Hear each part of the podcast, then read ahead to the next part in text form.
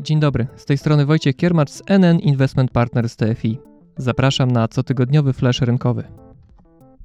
To nie był dobry tydzień dla chińskich gigantów technologicznych. Podczas sesji w poniedziałek i wtorek wartość rynkowa spółek Tencent, Alibaba i Meituan spadła w sumie o ponad 230 miliardów dolarów. To reakcja inwestorów na nowy pakiet regulacji antymonopolowych, rozporządzeń i grzywny, który w ubiegły weekend opublikowała chińska administracja. Otoczenie Xi Jinpinga nie chce całkowitej dominacji największych firm technologicznych, które stały się tak duże, że zaczęły wchodzić w nowe branże jak finanse czy ochrona zdrowia. I tak na przykład w wyniku regulacji Tencent nie może już zawierać umów na prawa licencyjne na muzykę na wyłączność w ramach swojej platformy streamingowej. Z kolei Meituan, właściciel popularnej platformy do zamawiania jedzenia, musi podnieść wynagrodzenia dla swoich pracowników zajmujących się dostawą. Presja administracyjna na gigantów technologicznych w Chinach to temat nie nowy. Wcześniej w tym roku Alibaba otrzymała karę w wysokości prawie 3 miliardów dolarów w związku z praktykami monopolistycznymi. Nowy zestaw regulacji uderzył również w sektor prywatnych firm edukacyjnych. Ten rozrósł się do imponujących 120 miliardów dolarów dzięki zagranicznym funduszom i coraz większym wydatkom chińskich rodziców, którzy chcą zapewnić swoim dzieciom dobry start na tym szalenie konkurencyjnym rynku. Akcje największych firm, które świadczą usługi korepetycji online, traciły po kilkadziesiąt procent, bo chiński rząd de facto zakazał pobierania opłat za tego typu usługi.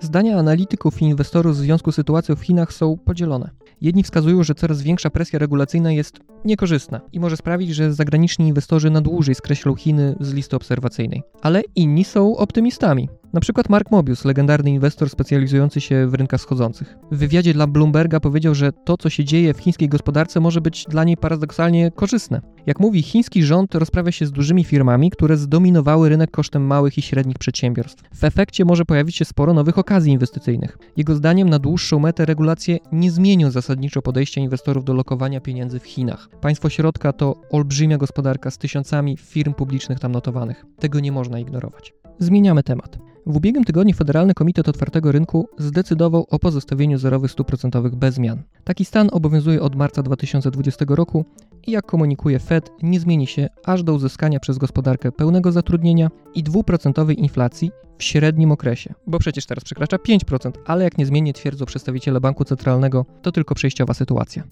Konsekwentna, Ciągle luźna polityka banków centralnych trzyma rentowności obligacji skarbowych na historycznie niskich poziomach, a przecież mamy kilkuprocentową inflację. To skłania inwestorów do poszukiwania wyższych rentowności w innych częściach rynku obligacji. Jednym z takich miejsc są wysokodochodowe obligacje przedsiębiorstw, np. ze Stanów Zjednoczonych i Europy.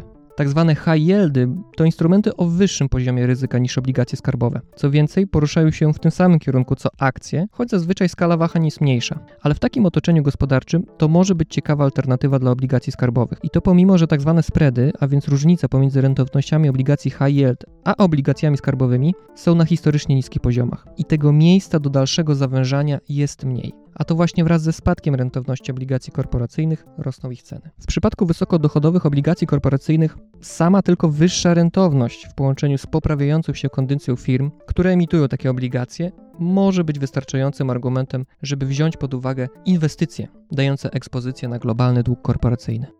To wszystko w dzisiejszym flaszu rynkowym. Do usłyszenia wyjątkowo za dwa tygodnie.